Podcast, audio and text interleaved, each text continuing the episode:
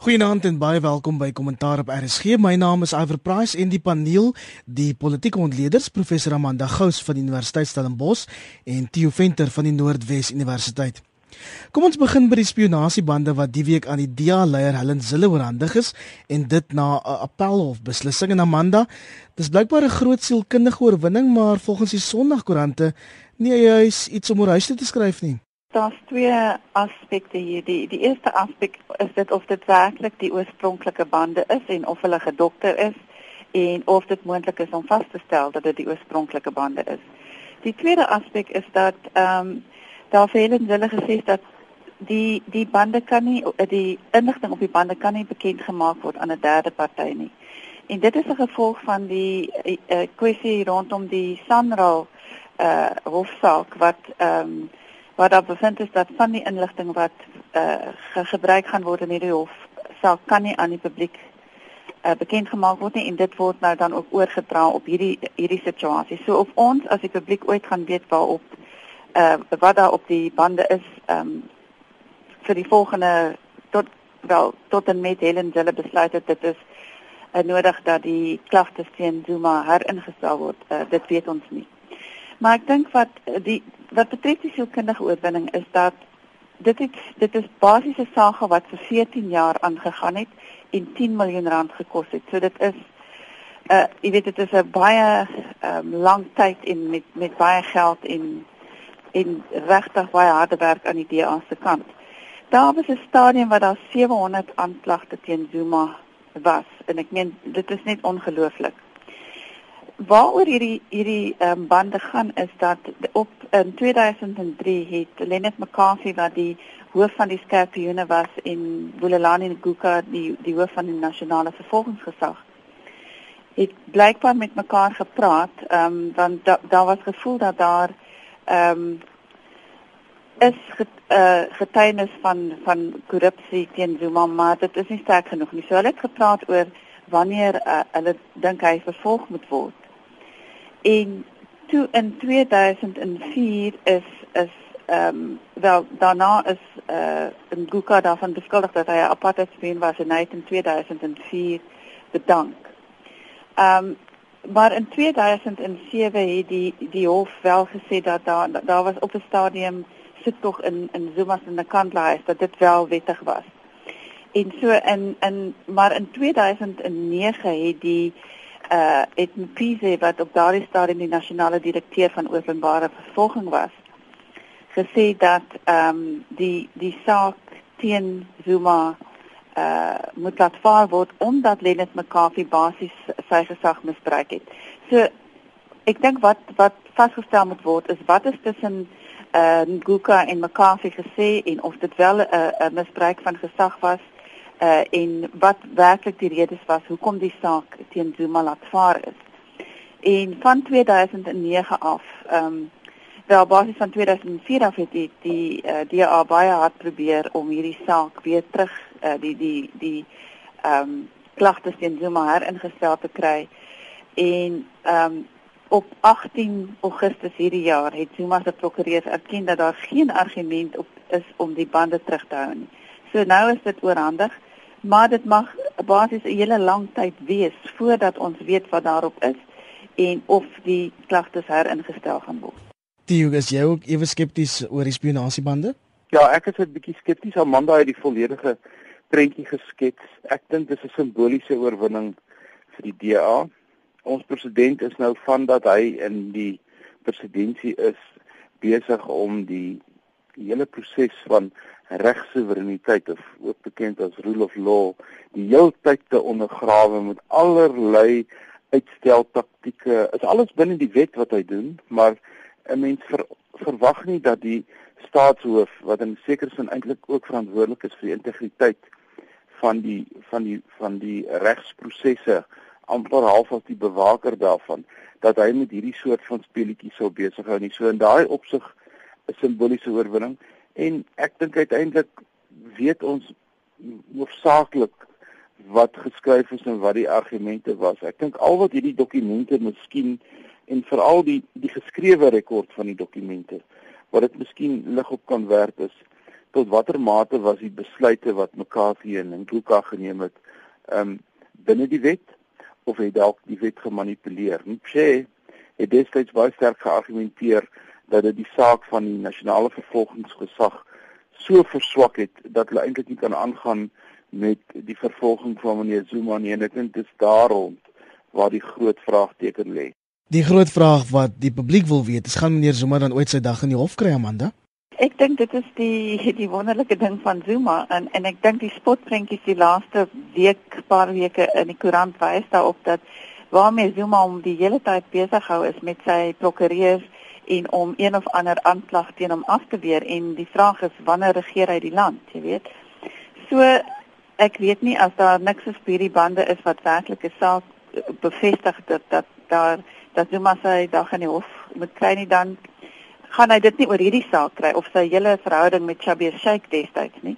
Ehm um, dit mag miskien oor iets anders wees. Ehm um, maar ek meen die die vermoë om homself uit hofsaake te kry is ongelooflik. Daar was 'n stadium dat eh, 'n uh, paar jaar gelede wat hy 32 keer al in die hof verskyn het oor een of ander saak.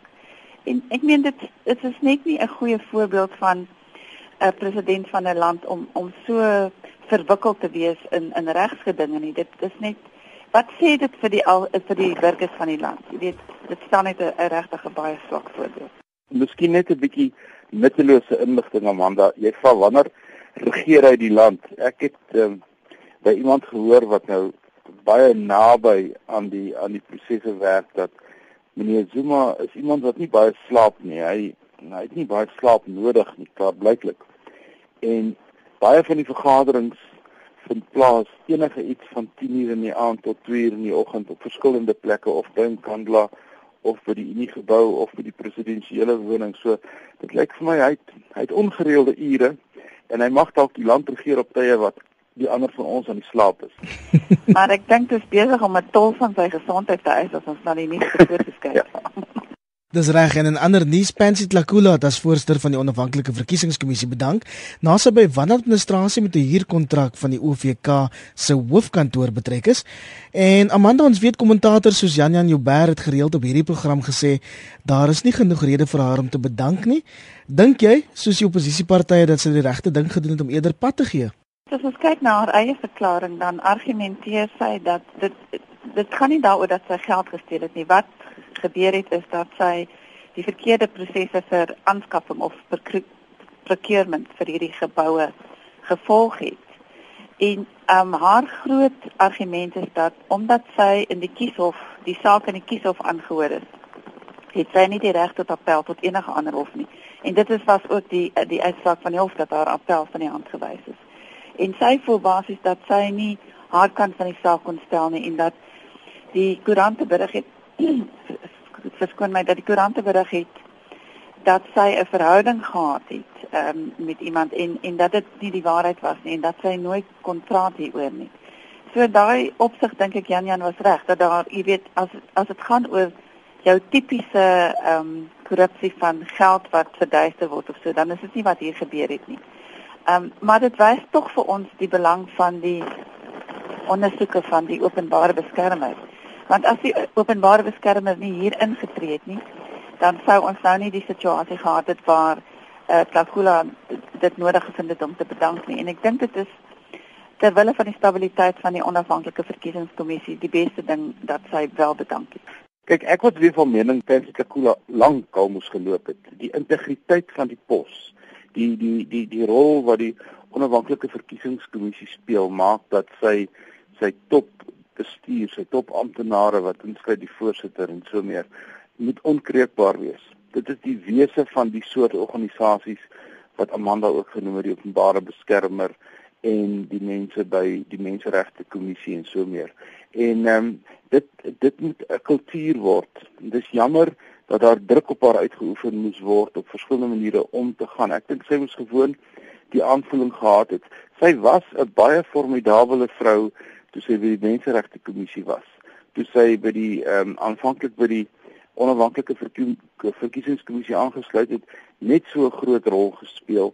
Maar ek dink mettertyd ontstaan daar botsing van belange en wanneer 'n mens die die die prosesse van goeie regering nie meer volg nie, dan is dit die dan is dit die dun end van die wig. En ek dink dit moet 'n les wees vir baie mense. Dit is moeilik in die in die in die openbare sektor om van mense ontslae te raak soos ons nou gesien het. Maar in die private sektor is dit 'n besluit wat in 24 uur geneem word en daar is baie van hierdie soort besluite wanneer dit uitkom waar die regte prosesse nie gevolg is nie, dan is dit die einde van jou loopbaan. Daar's natuurlik 'n aparte proses wat nog moet volg of dalk kan volg en dit is die openbare beskermer se opsie aan die nasionale vergadering en die spreker om dissiplinêre stappe teen haar te doen. Dink jy dit gaan nog gebeur Amanda? Ek dink dit is 'n is 'n baie goeie vraag want sy sy het nou bedank. Jy weet en dit lyk vir my nadat mense bedank het uh they off the hook so ehm um, maar ek dink jy weet as die openbare beskermer 'n voorbeeld wil maak hiervan kan sy aandring natuurlik dat dat dit wel gebeur. Ehm um, mens mens wonder net of sy dalk nie haar hande vol het met ander goed nie. Kyk polities gesproke Amanda behoort Azuma nie al die vakante ambassadeursposte gevul het met die nuwe met die skoonmaak in die in die spionasie afdeling van van die regering as hy dan daarom nog 'n ambassadeurspos of kry oop te wees vir Patsy Klakula ook. As ek nou sien dan dink ek dis waarskynlik waar hy in sy op pad is. En ons beweeg nou na ander nuus die week het 'n parlementêre portefeulje komitee te arbeidsprokureur aangestel om die EFF se gedrag vroeër in die parlement te ondersoek en die oppositie is skynbaar hulle noppies daarmee maar dit voel vir my Amanda bietjie dik vir 'n daalder om nou weer 'n ondersoekkommissie aan te stel. Wat maak jy daarvan? Ja, dit is nou Randall van Vore wat die klagtes nou moet formuleer teen die EFF. Ja, ek dink die aanstelling van kommissies laat mens wonder, jy weet, wie is nou eintlik in beheer van uh byvoorbeeld in hierdie geval die die, die is dit die komitee op magte en voorregte wat uh basies bepaal hoe mense behoort op te tree binne die parlement. Nou, jy weet kan die komitee dan self nie besluit ehm um, wat wat die klagtes moet wees en hoe dit hanteer moet word nie.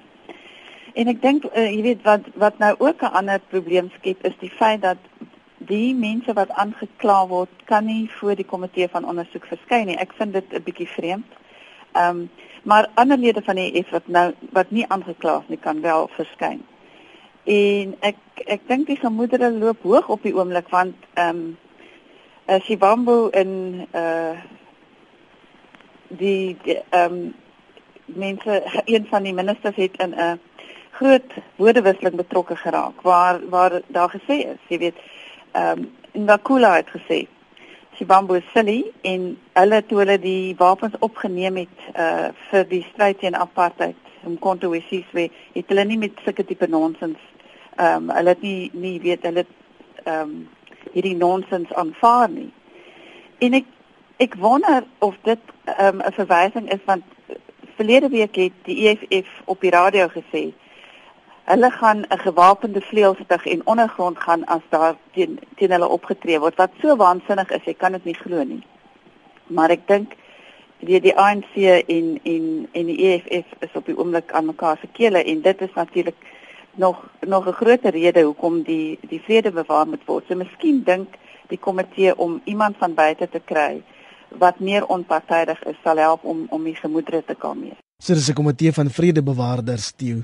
Ja, maar, maar hierdie bevestig weer net vir my dat die argumente wat ons gehoor het na die verkiesing dat die EFF eintlik 'n projek van die ANC is, is gewoon nie waar nie. Ons het meeste van ons wat naby aan die aan die aan die beweging en aan die aan die aan die dinamika beweeg het, het geweet dat die spanning en die verwyte en die woede is is so groot dat samewerking nie maklik sou plaasvind nie. En ons moet natuurlik weet dat die ANC sit met die gebakte pere van die EFF. Die die ehm um, ANC se jeugliga is eintlik dood. Ehm um, hy sukkel om weer van die grond af te kom.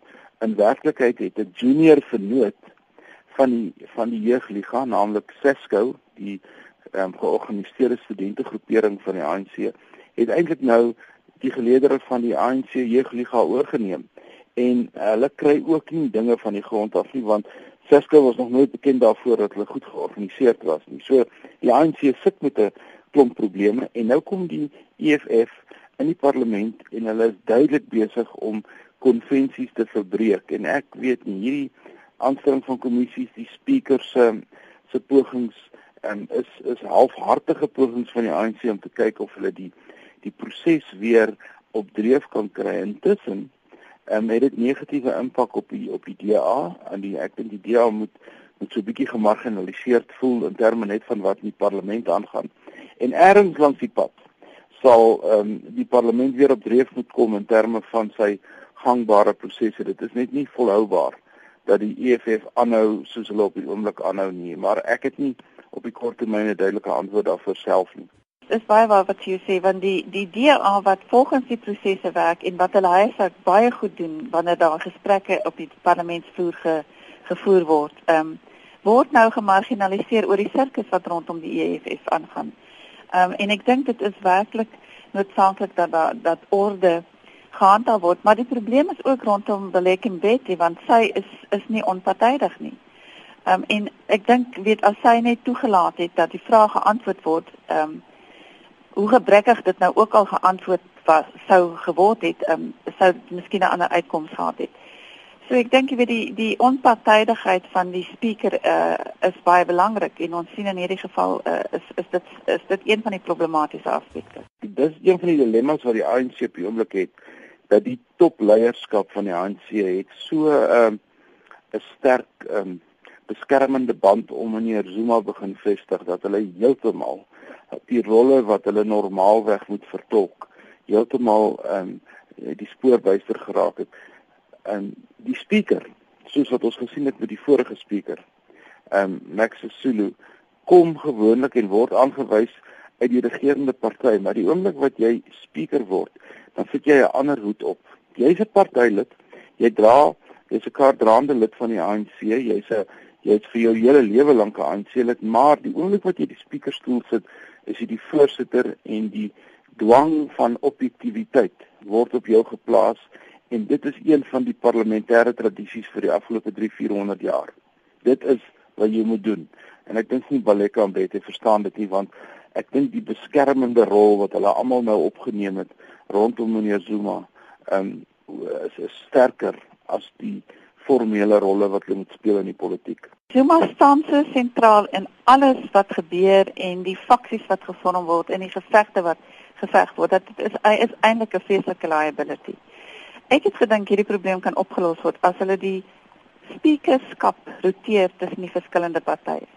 Ek dink dit behoort 'n baie interessante ervaring vir almal hmm. te wees. Maar dit sal dit nie doen nie. Daar's 'n hele klomp goed wat gebeur wat Amanda ook nou so vasgevat het dat Zuma so sentraal staan aan al hierdie goeie se. Mense kan na 'n klomp sake kyk wat 'n mens vir jouself afvra. Selfs die die ding wat my die meeste bekommer, naamlik die erodering van van regsoevereiniteit, die hele die hele ehm um, uh, juridiese proses op die oomblik. En dis om een man te beskerm. Is ons besig om een van die fundamentele boustene van ons demokrasie eintlik op 'n sekere manier te skaap om een ou te beskerm. Ek, ek dit is vir my net te erg. Kollegas, ons moet begin beweeg na buitelandse nuus en westerse lande. Hierdie skietstaking tussen die regering van die Oekraïne en pro-Russiese rebelle verwelkom, maar Amanda, die groot vraag is of mense die rebelle hoegenaamd kan vertrou om hulle woord te hou. Ek weet president Barack Obama is ook 'n bietjie skepties. Ja, ek meen daar was al klaar um, uit Donetsk um, op op Vrydag gesê dat die die skietstaking onder uh, myn is of onderbreek is want daar is geskiet. Ehm um, en ek dink ons moet ook dink oor die rol wat NAVO speel op die oomblik. Ehm um, wat wat gesê dat die sanksies gaan groter word, dit gaan gaan ehm um, ekonomiese aspekte van markte wat toegemaak gaan word dek en ook uh, wapenhandel. Maar ek dink nie mense kan die rebelle vertrou nie. Ehm um, en ons kan ook nie vir Rusland vertrou nie. In die sin dat ehm um, jy weet daar is al hoe lank 'n knoeiery aan die gang en die en die feit dat daar soveel magte uh van van Rusland in die Oekraïne is. So die argument wat gemaak word is dat Rusland ehm um, probeer om die uh, uh die Oekraïne uit te daag ehm um, deur te argumenteer dat hulle die skietstaking verbreek het sodat hulle weer kan aangaan met die met die geveg. Dit is 'n baie onstabiele skietstaking wat ek nie dink baie lank gaan hou nie. 'n Mens moet jouself altyd afvra wat wat wil Rusland hê? En ek dink as mens jouself dit afvra, dan is dit wat Amanda sê heeltemal korrek. Rusland het die die Krimskiereiland geannekteer teen wêreldopinie in. En dit gaan oor oor um, strategiese en militêre oogmerke. Die probleem met die skrim in die Krimskiereiland is jy het 'n jy het 'n seeroete nodig om by hom uit te kom of 'n landwaartse roete. Die ooste van die Oekraïne is die manier om by die Krimskiereiland uit te kom. Ek dink Putin se se langtermyn idee is hy wil uiteindelik hê die oostelike gedeelte van die Krimskiereiland wat toevallig ook 'n um, Russies sprekend is, al is dit deel van die Oekraïne, moet ehm, 'n um, onafhanklike gedeelte word. Dit moet afskei, daar moet 'n soort van 'n van 'n van 'n onafhanklike gebied onder Russiese invloed gevestig word sodat Rusland kan toegang kry tot sy grootste vloothawe wat um, uiteindelik um, na die Middellandse See toe lei. Dit is wat Putin wil hê en ek dink hierdie gaan 'n internasionaal politieke speletjie bly totdat Putin uiteindelik gekry het wat hy wil hê want ek dink hy is die ou wat nie te vertrou is nie. Vir my is die slegte nuus dat Suid-Afrika wat tot stand gekom het, die Suid-Afrika wat ons nou ken, wat gekant is teen anneksasie en teen kolonialisering, is bitter stil in die hele proses in terme van wat Rusland doen waarskynlik vanweë ons BRICS-verbintenisse en so meer. En ehm um, die rol wat ons in hierdie ding speel het eintlik net vir ons nadele. Dit het nie vir ons voordele nie. Kom ek kom ek wys vir julle een. Met die sanksies wat die weste nou ingestel het teen die Oekraïne, het ag teen Rusland as gevolg van die Oekraïne, het Rusland nou gereageer deur ehm um, kosinvoere uit Europa en Amerika te verhoed en te verbied. Ehm um, Amerika, 10% van Amerika se kleinvee word uitgevoer na Rusland toe onder normale omstandighede. Skielik sit die Amerikaanse vervaardigers van hoender met 'n totale markoorskot en uh, Obama het nou die dag gesê dat um, there seems to be markets in Africa.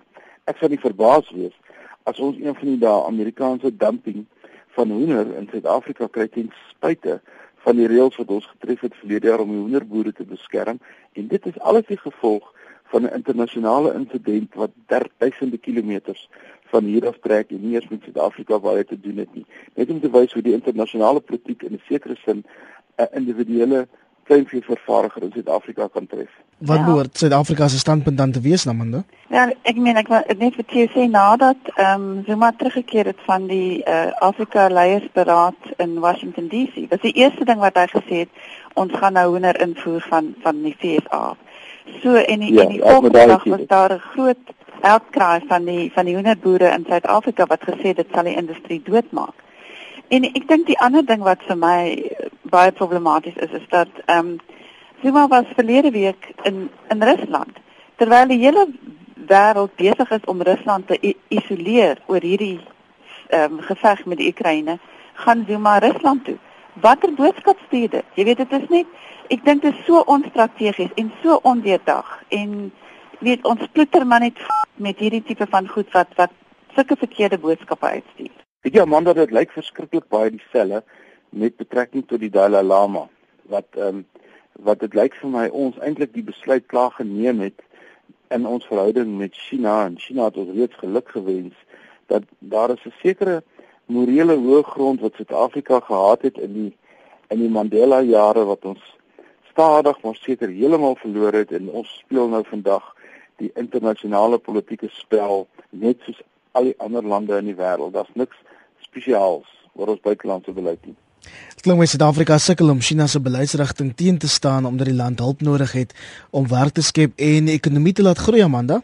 Die vraag is hoekom spesifiek net China? Jy weet, ek dink daar is daar is werklike kwellings rondom die invloed van China in Afrika en ek dink dit is ook om hoekom die beraad in Washington DC gehou is oor die Amerikaanse kommer daaroor. Ehm um, so ek dink dit is baie kortsigtig om te fokus op een groot ehm um, van van die lande wat ons kan sien as een van ons groot uh vennote in in handel, maar daar is ook ander vennote. Dit is ons grootste handelsvennote op die oomblik. Ja, maar ek dink ons kan ook ander skep en ons kan ander markte skep en hoekom het ons die buiteland nodig om uh werk te skep? Jy weet, ons moet ook vir onsself die vraag afvra, wat is Suid-Afrika se ons ons vermoë om self werk te skep, né? Kom ons praat net gou oor Suid-Afrika se hantering van die hele Dalai Lama kwessie. Die departement van internasionale betrekking en samewerking was bietjie se hande in onskuld hiertoe. Dis alles politieke speletjies. Ehm um, uh, ek glo nie ons het ooit net soos die vorige ronde ooit ernstig oorweeg om vir hom 'n visum te gee nie, want ons weet ehm um, uit ervaring uit ook met ander lande dat uh, die oomblik wat jy die Dalai Lama in jou land toelaat, dan um, is jy nou eintlik persona non grata by die Chinese, want die Chinese beskou hom eintlik as 'n terroris of 'n ontwrigtende faktor veral met betrekking tot Tibet en die rol wat hy speel as 'n as 'n godsdienstige leier in die wêreld wat hulle glad nie aanstaan nie. En um, ek dink al wat ons nou maar doen, ons speel hierdie half tegnokraties bureaukratiese speletjie van hy het aansoek gedoen maar toe hy nou nie sy visum kry nie, het hy self teruggetrek. In 'n sekere sin doen doen hy 'n baie eerbiedwaardige ding. Hy trek terug om ons nie in 'n verleentheid te stel nie. Maar ek dink nie dis die einde van die saak nie. As ek so luister na die gesprekke en ek kyk na die tweets en ek kyk na al hierdie verskillende gesprekke op op sosiale media en dis meer, dan is die meerderheid van instansies wat hulle besig hou met die Nobelprys en met hierdie soort van optrede is besig om te mobiliseer teen die besluit van ons departement van buitelandse aangeleenthede om hierdie saak te heroorweeg. Ek dink nie dit is 'n groot kans nie, maar ek dink net soos met die destydse ehm um, wetgewing rondom mediavryheid en 'n klomp ander goed begin die ehm um, burgerlike samelewing baie duidelik sy standpunt van weersin teen 'n uh, ooglopende um, fout wat die regering maak uit te spreek en en dit bou alles uiteindelik op na een of ander besluit toe maar ek dink nie hy gaan die ronde visum kry nie Amanda Die ander ehm um, ontvangers van Nobelpryse het gesê dat as as die Dalai Lama nie kom nie, dan gaan hulle ook nie kom nie. So dis al klaar, jy weet, 'n aanslag teen Suid-Afrika om jy weet hierdie tipe van hooggeplaaste mense op hierdie manier in die gesig te vat. En jy weet daar's daar's aanspraak op Zuma gemaak want hy het die mag om enige besluit wat die departement van buitelandse sake maak om te keer. En hy het hom eenvoudig net nie daaraan gesteer nie. So jy, jy weet en dit gaan basies daaroor dat ehm um, China tevrede gehou moet word. En ek dink net dit is ons maak ons eie beleid van menseregte en vryheid van spraak en al hierdie goed ondergeskik aan aan die eise van 'n handelsgenoot en wat sê dit dan vir ons oor ons eie interne demokrasie? En dan nader aan die huis is Lesotho deur 'n nuwe skok getref nadat 'n uitgesette leerbevelvoerder glo militêre basis oorgeneem het. En presies 'n week gelede het sommige gesê dis 'n poging tot 'n magsoorname. Dis eintlik maar net 'n storm in 'n teekoppie. Vandag lees ek in die koerante mense is bekommerd dat dit in 'n burgeroorlog kan ontaard. Wat is die storie, Theo? Ja, ek is self baie bekommerd oor oor Lesotho. Lesotho is 'n klein landgebonde gedeelte binne Suid-Afrika, maar die afhanklikheid wat Suid-Afrika van Lesotho het, is strategies van geweldige belang. As die as die watertoevoer wat ons kry uit die uit die uit die skoon waterbronne van Lesotho moet opdroog, dan is Gauteng binne 'n maand of twee in diep diep moeilikheid want ons kan die water van die Vaalrivier nie meer gebruik nie dit is nie vir menslike gebruik ehm um, nuttig nie. Ons kan nie die skoon water gebruik wat van Lesotho in die Valdam inloop en dit bedien ehm um, mense tot sover as Rustenburg van Johannesburg af en van van Valdam af. Die tweede ding wat belangrik is ten opsigte van Lesotho voor ek nou jou vraag antwoord is dat 'n tweede dam moes gebou geword het omdat die die waternood wat die Witwatersrand het al groter word en die tweede dam is nog nie gebou nie want die Chinese het intussen 'n rol begin speel in um, in Lesotho en die Suid-Afrikaanse regering en die regering in Lesotho kon nog nie ooreenkom oor die prys wat ons gaan moet betaal vir die tweede dam en die water wat ons uit die tweede dam uitkry nie. So Suid-Afrika dink ek kyk met baie baie bekommernis na wat in Lesotho aangaan want so 'n onstabiele situasie soos wat ons nou sien die laaste week of twee dat ons nie presies weet wie se beheer nie. Is dit die weermag, is dit die polisie, um, gaan die parlement um, hulle werk doen en dis meer. Dit moet dit moet ons bekommer, bekommer ons almal. En uh, ek dink dit is tyd dat daar 'n bietjie weer in Lesotho ingegryp word en dat ons die politieke prosesse weer op dreef moet kry maar so so kan dit nie aangaan nie ek dink die impak op Suid-Afrika is net eenvoudig te groot wat ons wel weet is dat ons eie polisiebeampte Tom Tabane die land se eerste minister oppas so man mens wonder oor Suid-Afrika se rol in hierdie konflik Ja, wel, ek sien ons gebruik baie van ons bronne wat ons self nodig het om om nou die land te, te stabiliseer. Ehm um, en miskien moet ons maar net Lesotho inlyf as 'n provinsie van Suid-Afrika. Dan dan se probleme op op dan kan kan hulle regtens aanspraak maak op al die bronne van Suid-Afrika. Matthew is jy gaan natuurlik die trek nou hierop loslaat as jy sê ons moet hom sommer net as 'n provinsie inlyf gaan Ysmagashule hom kry of gaan KwaZulu hom kry. Asof ons so, nie reeds genoeg provinsies. Jy gaan 'n nuwe burgeroorlog veroorsaak as jy daai debat begin.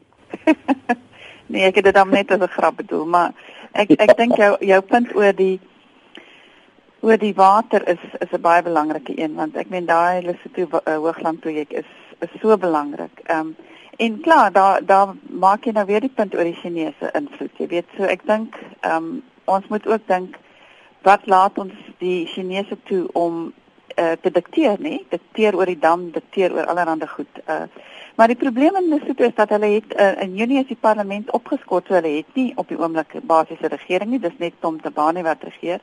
En hy was een van drie partye wat ehm um, in 'n koalisie geregeer het. En toe dit nie uitwerk nie, toe skort hy die die parlement op. Ehm um, so ek dink wel die eerste uh, ding wat moet gebeur is dat daar 'n verkiesing moet wees want hoe anders gaan daar bepaal word waar die steun van die bevolking van Lesotho lê. Ehm um, en en totdat daar stabiliteit is, kan daar basies nie 'n verkiesing wees nie en ek dink nie Tabane is regtig gretig om 'n verkiesing te hê nie. Ehm um, maar ten minste moet die parlement weer heringestel word. En daai koalisie het nou aan die SAOG die versekering gegee dat die parlement wel op die 19de September sal heropen. Dio?